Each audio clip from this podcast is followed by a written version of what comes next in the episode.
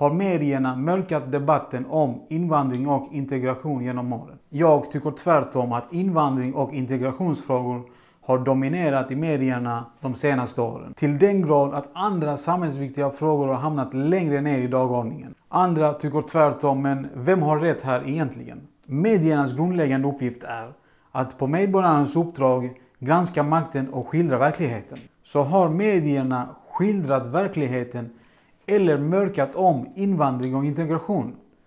Så här ligger det till. Sverigedemokraternas partipolitik är baserad på invandring och integration. De har haft ensamrätt i dessa frågor från 2010 till 2015. Statistiken i boken visar att ledarsidorna skriver om invandring och integrationsfrågor i mycket högre utsträckning än vad partiet har fått röster i riksdagsval. Vilket i praktiken betyder att ämnet har diskuterats mycket mer än vad medborgarna har velat på ledarsidorna. Massmedia skildrar verkligheten när ett politiskt partis exponeringstid i medierna speglar de rösterna som man har fått i ett demokratiskt val.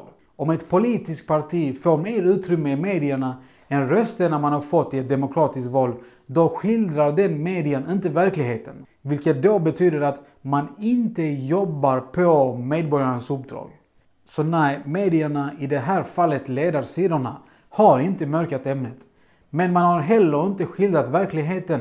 Man har istället velat påverka den. Strängare asylregler och förstärkta gränskontroller i hela Europa har minskat antalet asylsökande i Sverige med 60% i år. Vilket har dödat debatten om invandring i Sverige trots att flyktingsituationen har förvärrats. Men debattartiklar och ledarsidor har redan tagit nästa steg. Genom att skicka upp testballonger med åsikter för att mäta människors reaktioner för att kunna flytta på gränserna.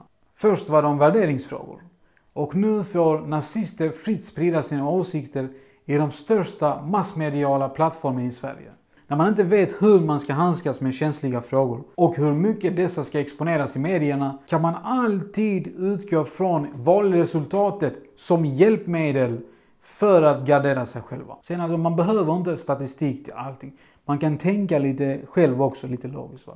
Jag hade aldrig bjudit in här en människa som tror att den ena rasen är mer överlägsen än den andra. Boken har varit en känslomässig berg och dalbana för mig. I första delen av boken får läsaren ta del av åtta kända journalister och forskare som tycker till om invandring och integration. Akademikernas språkbruk gör lika ont som hatarnas kommentarer i diverse sajter när vinkeln är densamma. Så varför bör boken läsas? I första hand för att ta reda på hur ledarsidorna gestaltar invandring och integration. Åsiktsexponering i rikstäckande medier är mer aktuellt nu än någonsin.